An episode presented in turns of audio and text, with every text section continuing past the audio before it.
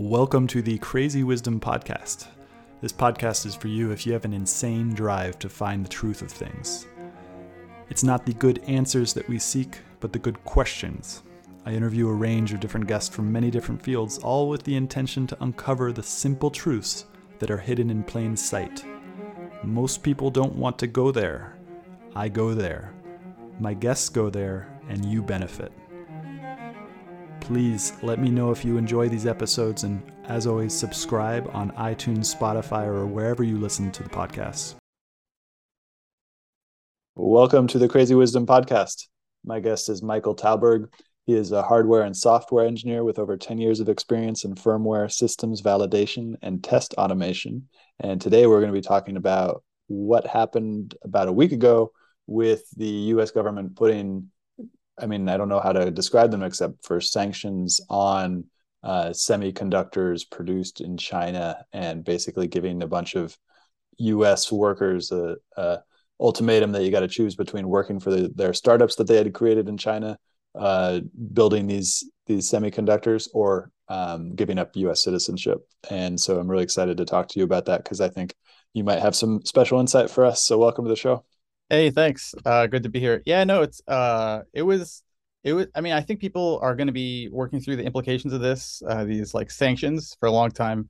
They're very uh, serious, and they've only they. I mean, they've it started you know before October seventh, but it's been ratcheting up on on the uh, limitations we're putting on China's technological capabilities in semiconductors, um, and so it seems like the clear goal of the United States government, the Department of Commerce in this case, is to limit the development of Chinese uh, semiconductor technology and AI technology. Uh, so the two, some of the two most advanced technologies in the world, we're trying to cut them off, basically. And do you think it's going to work?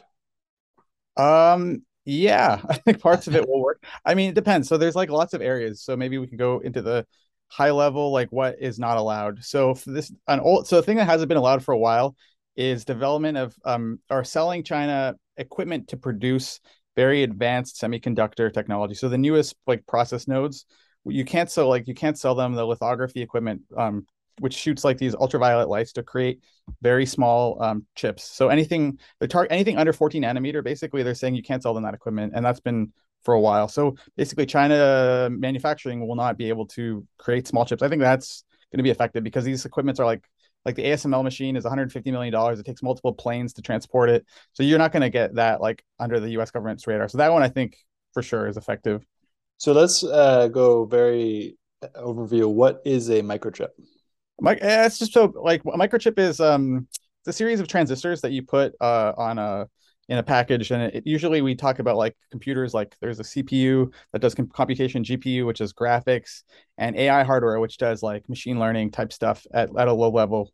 Um, so that's generally what we talk about with a microchip. You could you know microchip is contained in it is a silicon wafer. Um, silicon is a semiconductor so you hear think words like semiconductor silicon chip kind of interchangeably but they they tend to refer to like the same overall field and then what is ASML? Because I've heard that term a bunch of times. ASML is a Dutch company, and they they're uh, called the Semicap company. They make the equipment which makes chips.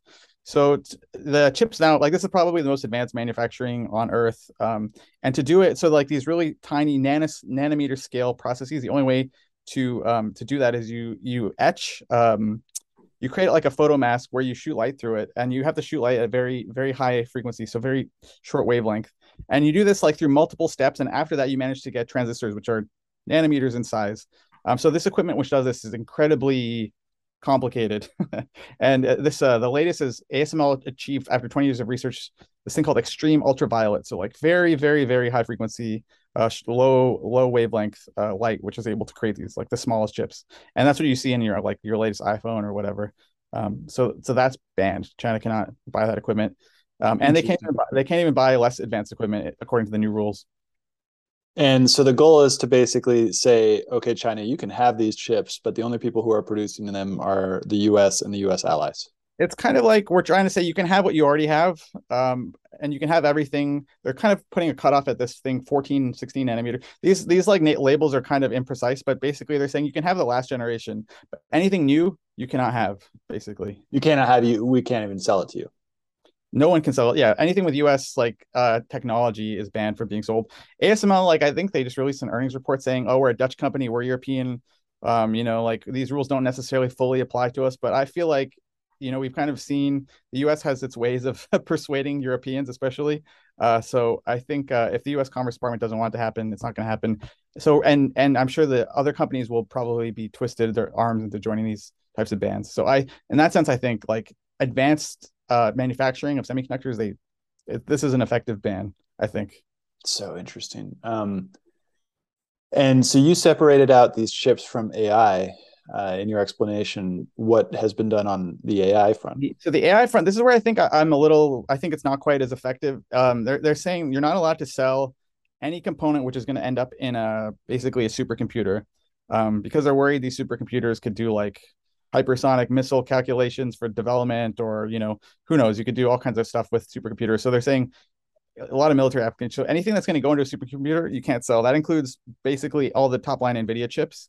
And the, the, the requirements around this are kind of fuzzier, but um, so you can't sell like the A100 uh, NVIDIA graphics card, which is mostly used for AI, um, to to like any Chinese company.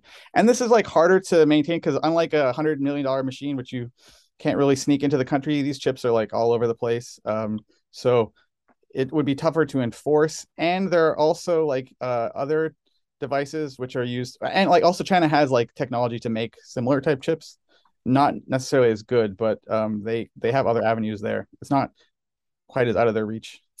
I think it was you and I who were talking on Twitter about kind of the demographic crunch that's that we're headed for in terms of China in particular, but the rest of the world as well. Um, and that I think it was your theory that the Chinese are aiming to automate so quickly that by the time their demographic crunch hits, that it won't be a problem because they've automated most of the technology over to auto to robots. Yeah, uh, yeah. I'm not like an expert on China, but that seems to be. It seems like they have two. So yeah, like there's every declining population, right? Popul like economic growth comes from technological growth and population growth. Those are the two things. So they don't have population growth. So pretty much technological productivity increases are kind of like the only way they have. Uh, so I think they're a going to try to like yeah increase automation. Everybody kind of sees that, and b try to like use um the like other countries like the third world they have like relationship with Africa, other nations to do more of the the like manual labor costs without like immigration per se, but exporting some of the like you know manufacturing and some of other other stuff like to the world so they can still have like a nice consumer base and investment and, and then are, are these sanctions intended to change that?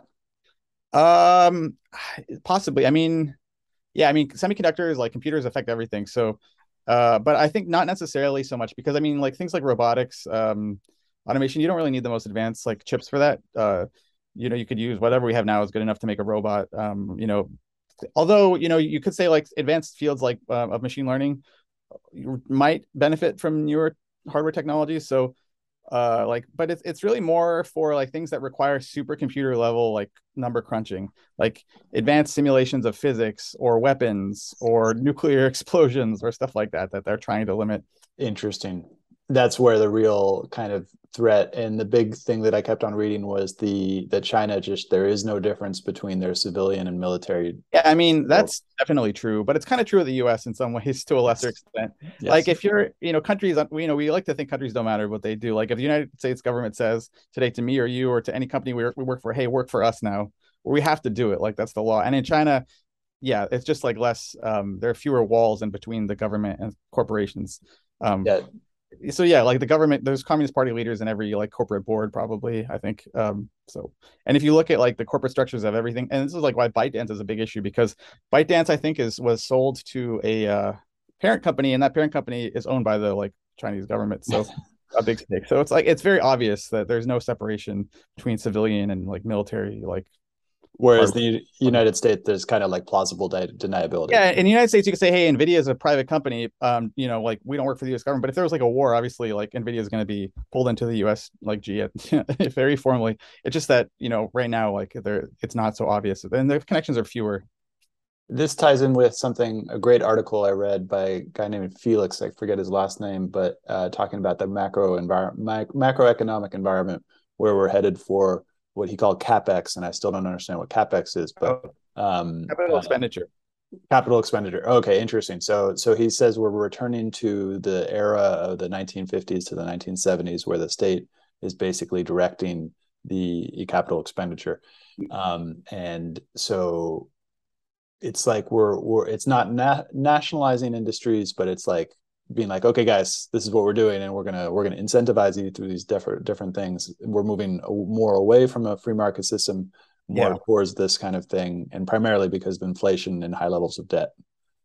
Uh, yeah, I mean, it's hard. I don't know what like the ultimate. Re- it's. I think I agree with the conclusion. The reasons it's harder to say, but like, so I, I would put it under. I call it like industrial policy. That's what most people have. Like the U.S., most countries in the world historically and now have an industrial policy. Like they they create like tax incentives, rebates, subsidies for certain industries. They encourage people to go into certain areas. Um, and the US never had that. The US just kind of like let the free market do what it wants, which is why like the manufacturing in the Midwest got totally nuked and is shipped to other countries because the US didn't even try to defend it really. Uh, mm-hmm. Uh, whereas other countries wouldn't necessarily allow that. But so now, yeah, we're seeing like a return to like, hey, uh, oh, this is a national security risk. Like these technologies, China is a is a risk. Like before, I think that people thought like, oh, China is like going to become like us. It's fine. Now they're realizing no, like, this is a pure competitor. This is like a threat. We can't just like let them you know operate under free market principles without defending our own industry. So this is like so yeah i think there is a return to national capitalism away from global capitalism. Uh, and that will mean it'll be less efficient overall you know like you'll have multiple duplication of like industries but they'll be national like very critical to national security. Steel like aviation semiconductors everything is going to be every country that uh, worth their salt like russia now like is cut off from the entire global market on these. They're going to have to de- redevelop their aviation industry their computing industry all these things. So yeah, and so then, I think the global thing is is kind of ending. Yeah, interesting. And so, how does that fit into these chip manufacturing? I know the United States has been starting to invest a lot more in their chip manufacturing. Uh, is that going to work out? Or like, what what is the deal there? Yeah, so I think like the so the U.S. So the, the chip industry is a lot of like different things. There's like um, designing them, making them, packaging them, putting them into like iPhones and stuff. So the US, like in terms of like packaging and manufacturing, that's all done in China. Like, but that's pretty like simple stuff. Um, and then there's designing them, which we the US is still number one, like by mm. far. However, like I mean, I've worked with Chinese companies, they have design teams that are, you know, not as good, but they're pretty good and they could definitely design chips. And then there's manufacturing, which is what the CHIPS Act was targeted towards, which is like the semiconductor fabs, fabrication facilities, um, which is like what the ASMLs of the world sell into. Uh, so the top company there is TSMC. It's like a Taiwanese company. Um, and they like, and it, used to be Intel in America. So this chip act is kind of just paying Intel basically to catch up to uh, Taiwan's TSMC because it's a, you know, if that were to go away, uh, it wouldn't be pretty for the world. So they saw, you know, China, the, they saw the vulnerability of Taiwan. They saw that most of the chips were now the most of the best chips were being manufactured there. And then we have our own, you know, company Intel that's doing these chips. And so they said, okay, we're going to invest money into Intel so that they can become. Yeah, uh, I, think, I, I don't know like all the details of it, but basically it's uh, targeted to chip manufacturers. So like yeah, uh, like TSMC in Taiwan and, and Samsung in Korea are the best right now in the world. TSMC is ahead, and then Intel is like a distant third, which you know is sad because they used to be number one, and and they have facilities in the U.S. Um, so on the leading edge. So like it's basically going to give Intel money to try to catch up, and I think some tax rebates. TSMC is trying to open a fab in Arizona. We'll see how that goes. Um, so they get some tax rebates there too. So they're also encouraging Taiwanese companies to come to the U.S. and yeah, just because if you know, if, you know, like it's kind of, I mean, it's crazy because like Taiwan is like right across from China within missile range, and uh, like Samsung is right across from North Korea within artillery range. So it'd be very easy to take out like all the world's leading chip manufacturing, which means like no more iPhones, no more like PCs, no more graphics cards. Uh, so it's very, yeah, I think people realize like, hey, we should probably have some dom- domestic manufacturing of this in case something hits the mm-hmm. fan. Mm-hmm. Okay, interesting. Um, now, we've got, let's go back to automation because we've been talking about chip manufacturing and there's a lot of automation within the virtual space, but then there's also automation within the physical space, like actually like making robots to do jobs that humans can do.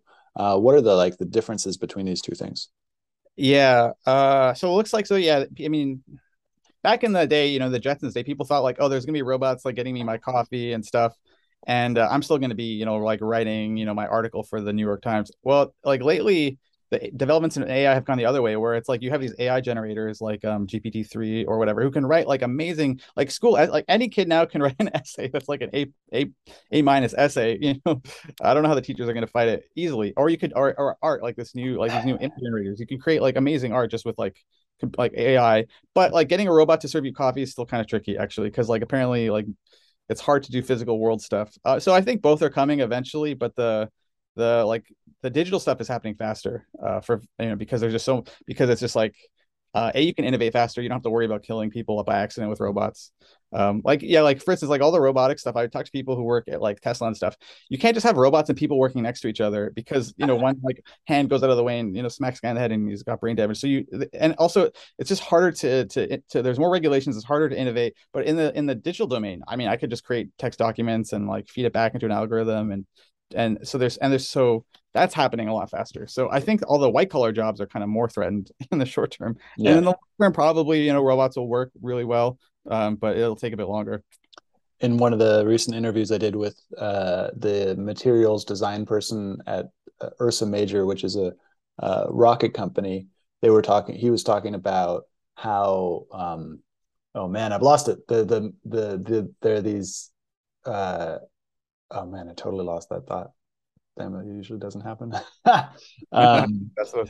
uh, who should i interview about robotics and manufacturing yeah, uh, you know, I think anybody who works in a robotics company, I think anyone at Tesla, I don't Tesla if they're not, not sure they're allowed to talk. They're kind of like Apple. They have like a lot of. I used to work at Apple. Like you don't, you're not allowed to talk really um, if you work at those companies. But anyone maybe former Tesla, you know, they could tell you because they're on the cutting edge of trying to build the machine to build the car, and that's like again even harder. Like so again, the kind of theme is if you can build a machine to build a machine, then that's like really where the hard part is. And if you get that right, you know, you get these economies of scale. You can just produce massive quantities of these things, um, and really have an advantage.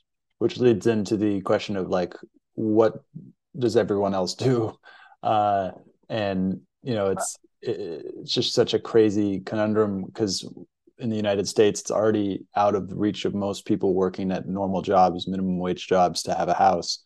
Uh, and you know, we talked about the globalization of economies and how all the jobs in the United States that used to be paying well all went you know went all over the world, which is great for the rest of the world and is great for the people who own own the capital. But then in the United States, it's like, what are all those people doing? They're just scratching by um, and then we're talking millions of people, and then it seems like that's just going to only continue and continue. Yeah, I mean, th- there's like a debate. Uh, I don't know where I come down on it. Like, yeah, are we going to create new jobs like podcaster or whatever YouTuber to fill the gap of like old jobs, like you know, assembly line worker, or is it just going to be masses of unemployed people who are going to need some like basic income or something? I don't know.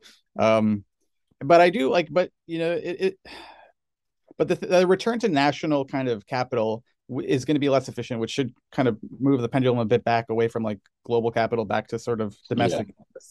But I don't know. I don't. We're not going to go back to like the 60s or 70s. So, um, and and the other you know other thing is like, you know, long long term. You know, I mean, we have a financial crisis now, and you know they're going to paper it over and they'll paper over the next one. But at some point, they're going to hit a thing where like you know the, the, the, there's too many contradictions. It's too big. It's something's going to blow up or there'll be a war. So, you know, the world could get very interesting in yeah. the next 30 years. I don't know. Yeah. And like that far out. Yeah. It's, it's just everyone recognizes that the system is too large, too complex, too fragile, that there's been so many things that have been papered over. But then again, there's that old adage that uh, the insanity can last longer than we can stay yeah. solvent. Yeah, I wouldn't like short the market exactly for that, but I would think like yeah, but I I do. I mean, I, yeah, it could stay insane. It could stay insane for a very long time. Yeah, yeah, like potentially longer than we exist. And then and then I've been reading a lot about the 19th century and the 20th century and the rise of technology, particularly in the early uh, uh, 20th uh, century with the rise of radio, automobiles, uh, electric electric grids uh, in trains in the 19th century. And the as you said, there's two ways that the economy can grow through technology or through uh, what was the other one? Population growth, because every yeah, person population growth. Yeah. So the population growth is going down, but it looks like the technology is going to continue to grow rapidly. But although the, there's some contradictory messages coming from people, particularly Peter Thiel, who talks that there there hasn't been that much innovation in terms of atoms. Um, but what do you think about this in terms of the rapid like do you think that technology is going to continue to grow yeah i mean it'll continue to grow i mean it will continue to grow but i think you know Thiel has a has a point that um yeah, like if you look at the Jetsons, you know, we got the computers, but we didn't get the flying cars or any of that other stuff. Um, although there are companies now that are working on it. Um, so I think, yeah, I, th- I think I think the the physical world is has lagged um, for various reasons. He blames like regulation. I think there's something to that.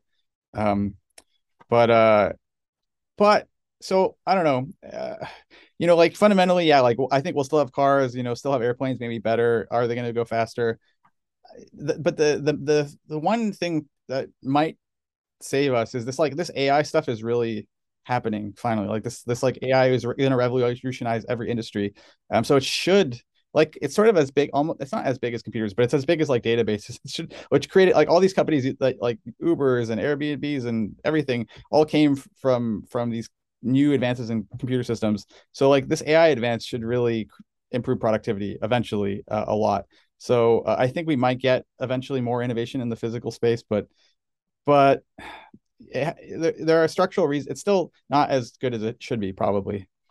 So can you talk more about the airbnb uber coming from innovations in terms of database design? Oh, yeah, I mean, uh, sorry, I mean, I guess like databases are kind of were even older. Like, so like, you know, yeah, you had this database technology which allowed, you know, you to store information on everybody, which so like everything from like huge accounting firms to like uh to Walmart basically is the best example. You couldn't have Walmart without databases.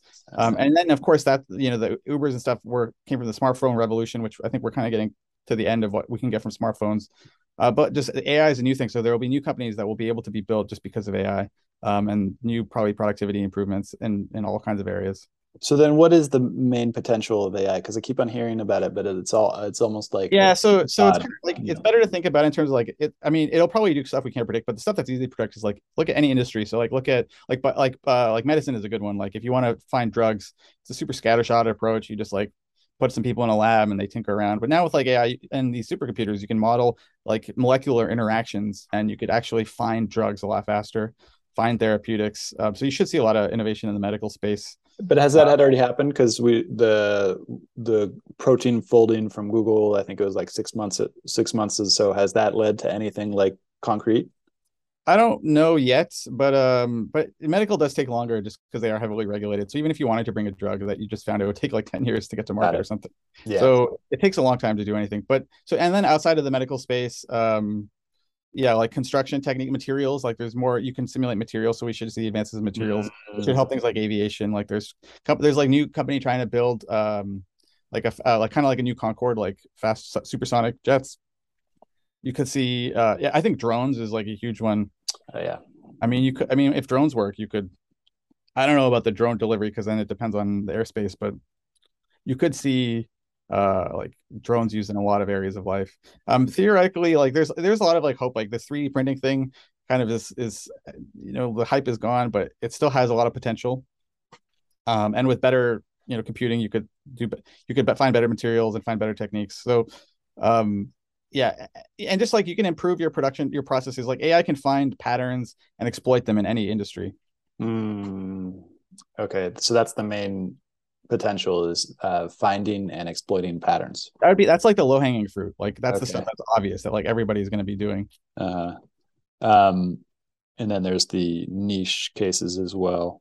And then uh, there's stuff we can't even imagine where it's like someone's going to be like hey like you could I can't even i mean i don't even really know like what what possible things like are going to be there, but there's like anytime there's a new revolutionary capability, it's going to create some changes.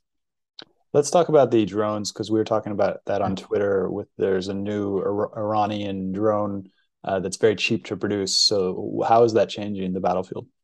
Yeah, I think so like drones like the first time we saw drones really affect the war was in uh, this like uh azerbaijan armenian war which wasn't really reported on because i guess americans like don't care and reasonably so. But the uh the armenians got pummeled and it was a big part was because the armenians had these turkish drones which um a like they could um they they had like better reconnaissance and b they could just like bomb all these tank columns these old slower um, mechanized infantry from the sky. Um and then, so you might say, okay, but like, you know, like if you have good air defense, then you can't do that with these big drones. But now, like with these in Ukraine, you're seeing these Iranian made Shahed drones, which uh, they say, you know, you hear estimates of cost of like 20,000, but I've heard some people say they only cost a thousand to make, like on the order. If they have like a an engine the size of like a sewing machine, like a 50 horsepower engine, it's like nothing. They're made out of like really cheap material. So they cost like nothing, and you just put some explosives on them and they can you just put in some GPS coordinates and they'll go hit it. And, And why, so- why are the Iranians the ones producing these?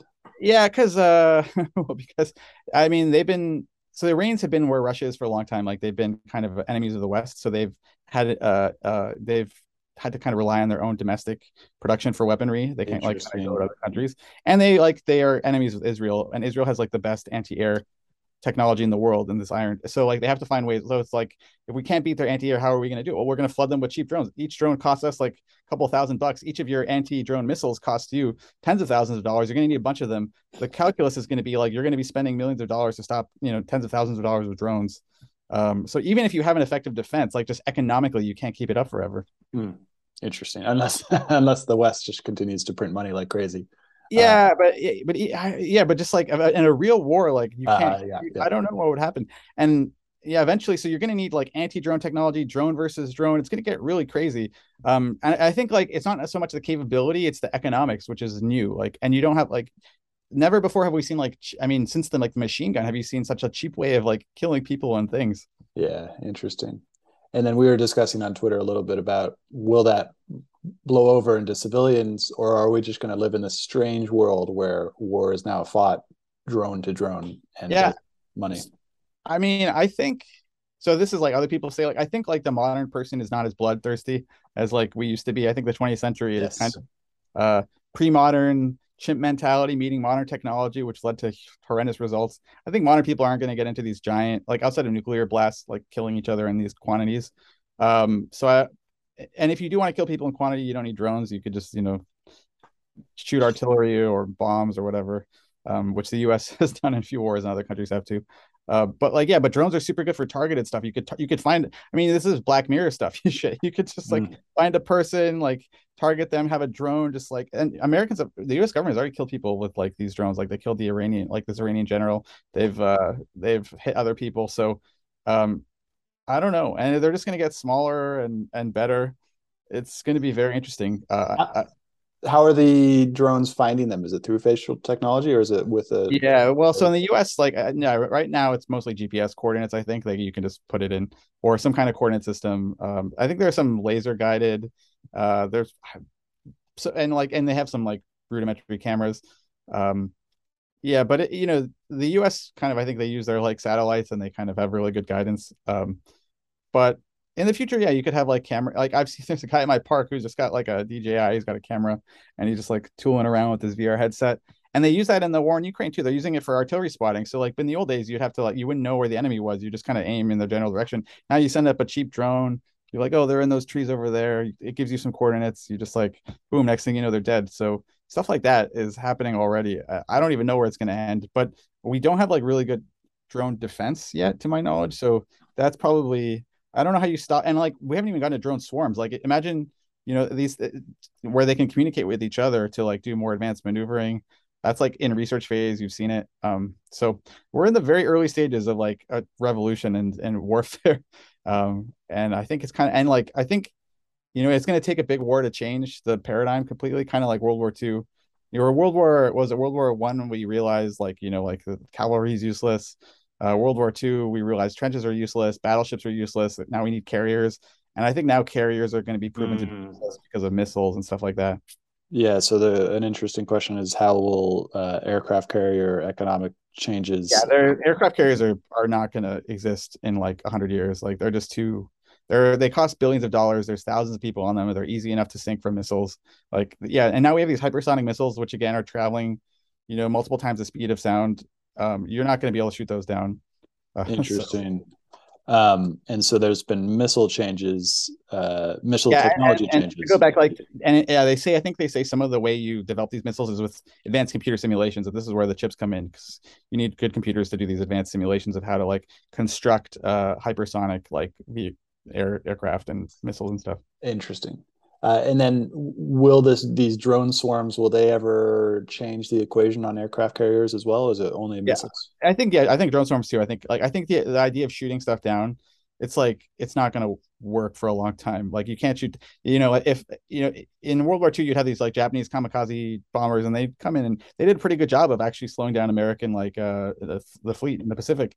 Now you're going to have like hundreds of missiles drones, all kinds of stuff coming at you. I mean, I don't care how good like lasers or whatever, you're not to shoot all of them. Some of them are to get through, and then like, and then a five billion dollar carrier with five thousand people on it is going to be sunk, and that's to be a national disaster. And so I think everybody knows it.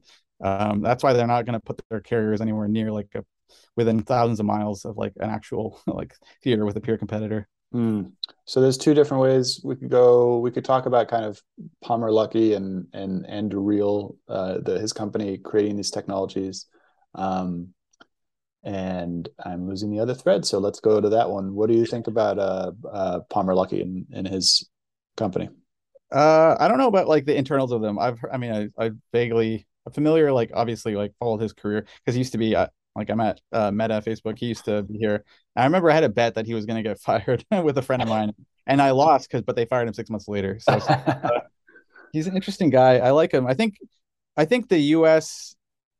Uh, like military industrial complex is so huge and gross and bloated that it's like really. I mean, we need people like him to bring like newer techniques and people to this like industry because they spent they spent like trillions of like the F well, the F thirty five costs like a trillion dollars and it barely works. Um, and, and it's going to be obsolete, basically. And it's going to be and it's going to be obsolete. Yeah. So you you can't win wars like that. You're going to need like so. I I bringing the like Silicon Valley like startup mentality to defense is like essential. Um, and eventually, if there anything a real war happened, you'd have lots of people doing stuff like that. We so I think it's the Silicon Valley startup thing, but without the uh, just like total disregard for national uh, um, uh, pride, national like yeah, it's it's a there's a tension because you look at like the people who work at these companies, they're overwhelmingly liberal. Like you can look at the, who they donate to in their campaigns. They do not like working for military stuff. Uh, like my first company, I worked on uh, like these chips. These chips were sold. They actually kind of were similar to what's now. They were they're under export control licenses because they were put in satellites and missiles and planes. And I I told this girl at a bar in San Francisco, and she was just so mad. And I I was like, oh, I shouldn't have told her that. Uh, people do not like uh, work. I mean, even Google, they tried to use some of their AI. Sorry, the lights off here. Let me just. Ah. Sure. The uh, sorry about that. They um, they use like uh, they tried to to get their people to do like an AI project for the military, and that all the employees like boycotted. So, um, you know, but there are going to be some people who are going to be who are going to work on it. And uh, oh, and the other thing is like a lot of Silicon Valley is um, not American born; they're foreign born. Like me, I'm Canadian, but I got citizenship, and you need to be a citizen to work on this stuff. So the actual pool of talent is smaller. Uh, interesting. Um, so I found out the thread that I wanted to talk to you about. It seems like from following you on Twitter that your thoughts are less involved with kind of consensus narratives on either side and so and you also do a lot of research on what's going on in Ukraine versus Russia. I've stayed out of researching it because there's just so much propaganda that it's hard to figure yeah. out what is what is true, what's actually happening. Um, and what what do you think is happening right now? Do you think Russia's winning? Do you think Ukraine's winning? Yeah, I don't know. The winning thing is like hard because you see half people say like, "Oh, Russia's winning," half people say Ukraine's winning. I don't know who to believe. Um, I, yeah, I don't know. I the only thing like you like the only thing we we really should say about the Ukraine stuff is like, a like it is the new current thing. You, you can't have an opinion without being yelled at. That should like throw your alarm bells off. Like, um, like what's going on here? Why is why can't I? Why can't why can't Elon Musk propose a peace deal without being called like a traitor and a fascist or whatever? Um, so you you know you have to like the media circus around it is very interesting. Um, and then the other thing that I think is like the people who are like the the people in the U.S. government who are like cheerleading this war are the same ones who you know, did Iraq, Syria, Libya, these disasters in Afghanistan. So, I mean, I don't know, I don't about the war in itself, but like, I don't trust the people behind this this whole business on the U.S. side. Um, they don't have a great track record. So, I would so like again, yeah, maybe not like it's maybe it's fine to just not have an informed state. Like I don't know who to believe. My media is lying to me. My government officials are not trustworthy. It's you know like I'll reserve judgment until I you know see something more concrete. Hmm and then so it, it's it seems that the U.S. is supplying a lot of money and weapons into Ukraine. Do you think that's actually um, solidifying? Do you think the Ukrainians are, uh, I don't know, c- competitive purely because of this money and, and yeah, I mean it's yeah. without, without, Western support, they would have they would have no chance, right? Like, they would have collapsed. Their yeah. population is smaller, their GDP is smaller, their you know they, their military technology is older Um, so it's yeah, the U.S. and the West are keeping them in the game basically, and it's a question of how long that we can do that. Um, yeah, it's debatable. I don't know. And does Ukraine have nuclear weapons? No, they used to actually because they used to have back in the Soviet days they had a bunch, but when the Soviet Union broke up, they gave them all away. So they have none. And if they had nuclear weapons, you better believe the situation would be different. But uh, yeah, they don't have them right now.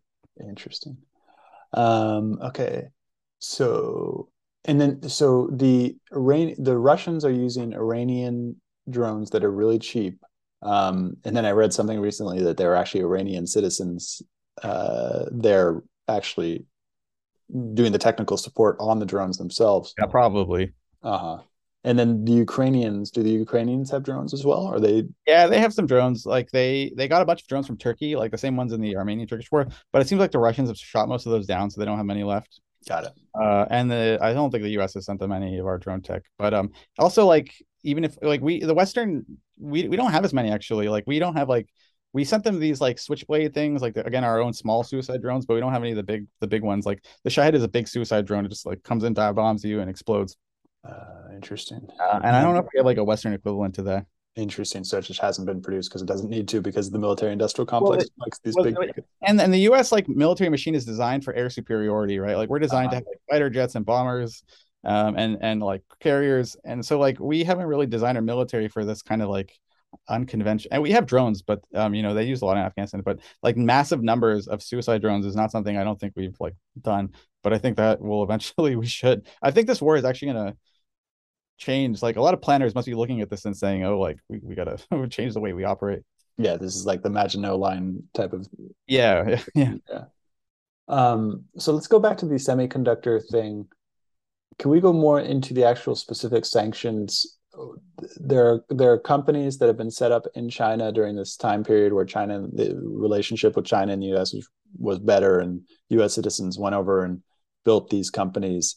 Uh, what what's actually happening to these people who have built their companies? Yeah, I mean, there's a lot. I don't. There's various. There's some confusion, right? Because the the the specific regulation said any U.S. person, which includes citizens, residents of the U.S. or U.S. like uh, visa holders, even, are not allowed to, um, or basically, it's like it's a it's like a trade event if you are helping them build super, either semiconductor uh, semiconductors or supercomputers. So if you're working on any of this stuff, um, you know like it's they don't say you can't yet actually. They say you're supposed to like talk you're supposed to, there's a certification process but i think people are, re, are like with any regulation you don't want to be on the wrong side of it because there are huge consequences. So people i think i've heard of people are just like stop working on it. Um you know people trying like i think chinese americans because there's a lot of people with dual citizenship are going to have to choose between working at these companies or their american citizenship basically. Mm. um, uh, but at the end of the day china has a lot of like people they have a lot of engineers they don't really need Americans for chip design. They need them for, but the semiconductor manufacturing stuff, uh, they they don't know how to do yet. Um, so they don't need it. So chip design in the China China has now gotten to the point. Where oh yeah. So well, I guess there's the third thing I should say that they banned. So they they banned the the tools to make a, a semiconductors, the um the AI stuff, and also this thing called like these thing this thing called EDA software, which is a like a computer like CAD software. It's like computer aided design. Um, and so all the actual like if you look at the there's only a few companies that actually help you like design chips, which would be like Synopsys, Cadence, Mentor, I think three. Um, and uh, they're all like Western. So if you you you it's like building like a like a, a house or something. You need like a software to like tell you where to put the doors and stuff. And except it's much more complicated. So uh, I mean, I assume they're going to be like pirating this stuff, uh, or you know, because you you know, um, mm. software. I don't know if you can like totally block them from getting it. Although, but you're not going to get any support on it anymore. Oh, interesting. Figured out a lot of stuff, and yeah. I know they have a domestic industry to try to like build some of the software, but this is software that's been you know in the making for 20, 30 years. It's not easy to just like build from scratch. Interesting. So there's the software and the hardware. The hardware is easier to regulate because it's like one Dutch company that's that's creating these machines. Well, and some and there's some Japanese ones which are selling like other similar like low, you know, not as advanced machines. But yeah, but either way, these are huge things with a handful of companies that are not easy to hide. Mm-hmm. And so I always heard that that you know in the last maybe like ten years ago, nobody thought that China could actually um, catch up in terms of creative industries. They could only copy. Do you think that's still true? No, I don't think that was ever true. I mean, I think like they people are people like, you know, they could do any any person could do anything. Um it's more i mean you could say like their system is different and their folk uh, culture is different but they can i mean they could do design stuff too they have lots of research centers um their their economies they've just focused on different areas so they're behind on these like these areas uh, they don't have like the same advanced like they they're not as good basically in and these and they're basically they're as good at, at, us in everything except for these areas. This is why like this is what are they being cut off? They they can do manufacturing.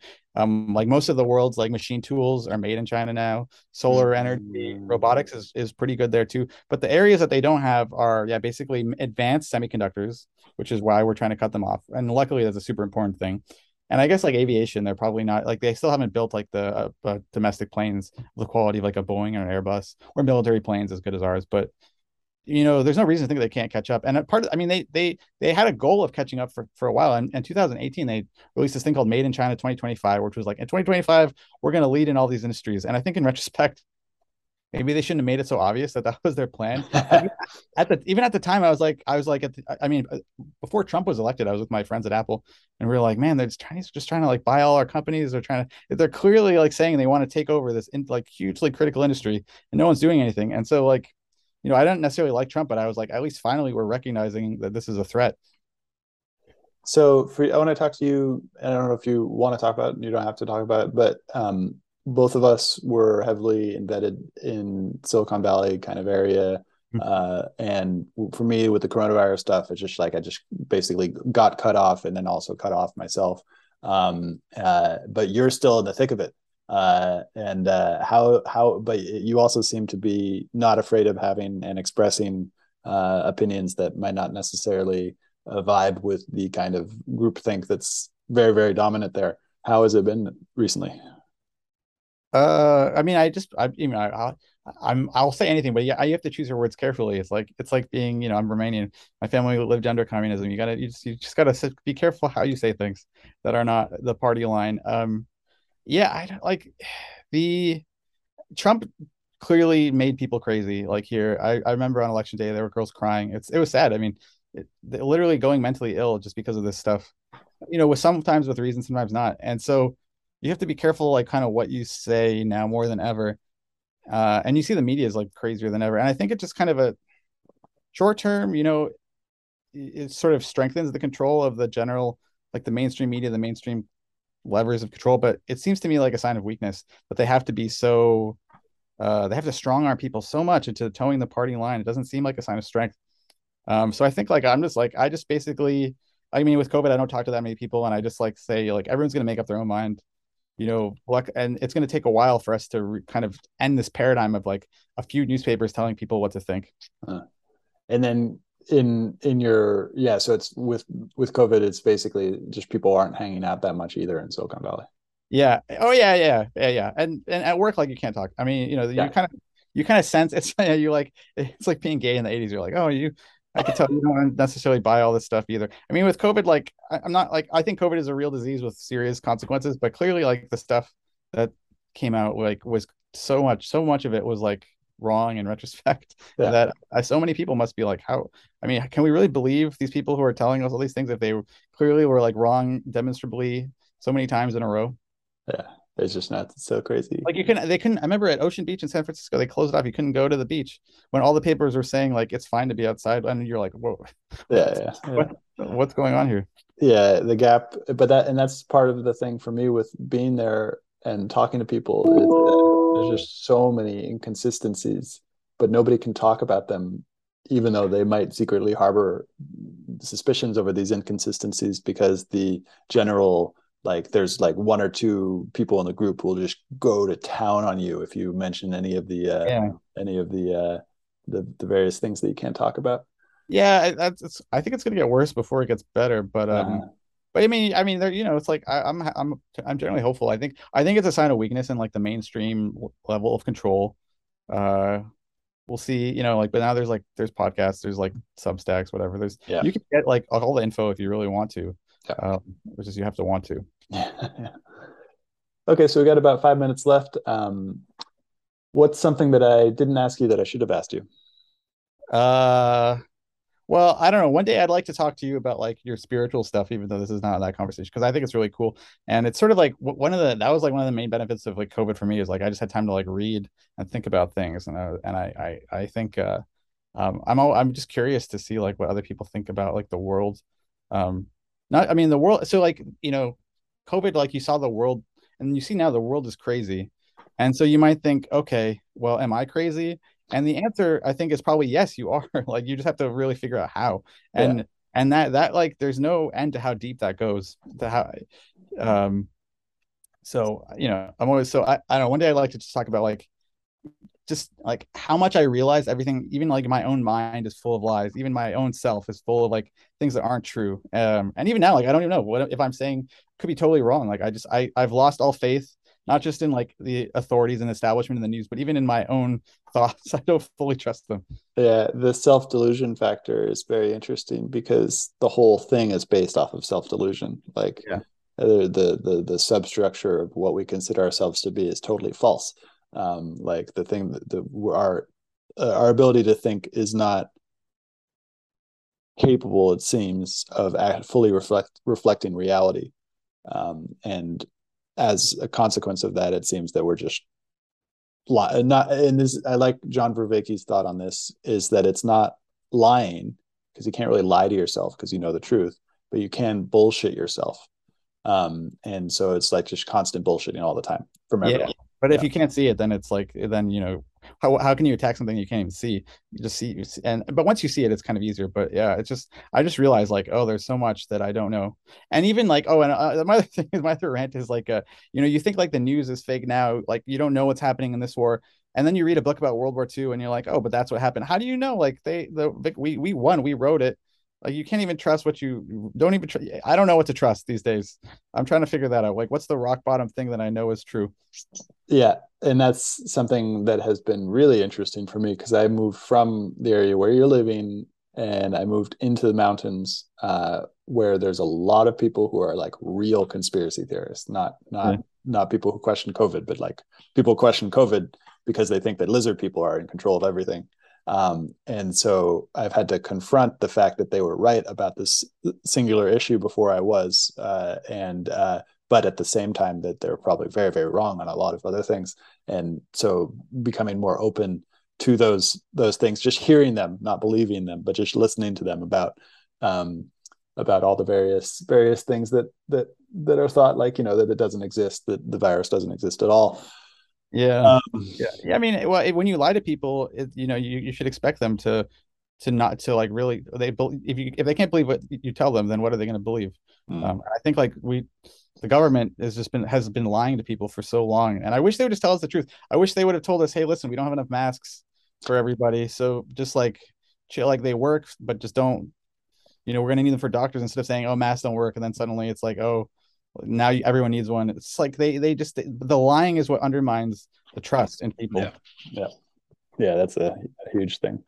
Um and it's and that line it's like what else have we been lied to about yeah. history?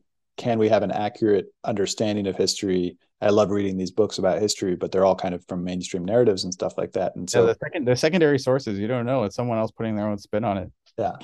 Yeah I just started a book on the the Roth Rothschild family. Yeah, and it's really interesting because uh, the very secretive family. They destroyed all the letters coming from England. They had they had four houses, uh, one in Germany, one in France, one in Austria, and one in in UK. And the first one to be set up in the early 1800s was in the UK. Um, and all the letters from the UK back to Frankfurt, Germany, where the original house was, uh, got burnt. Um, and like you, and, and you have all these people who are trying to uh, win favor with the Rothschilds, and then you've got the other side, which is like calling them all Jews and all this other stuff.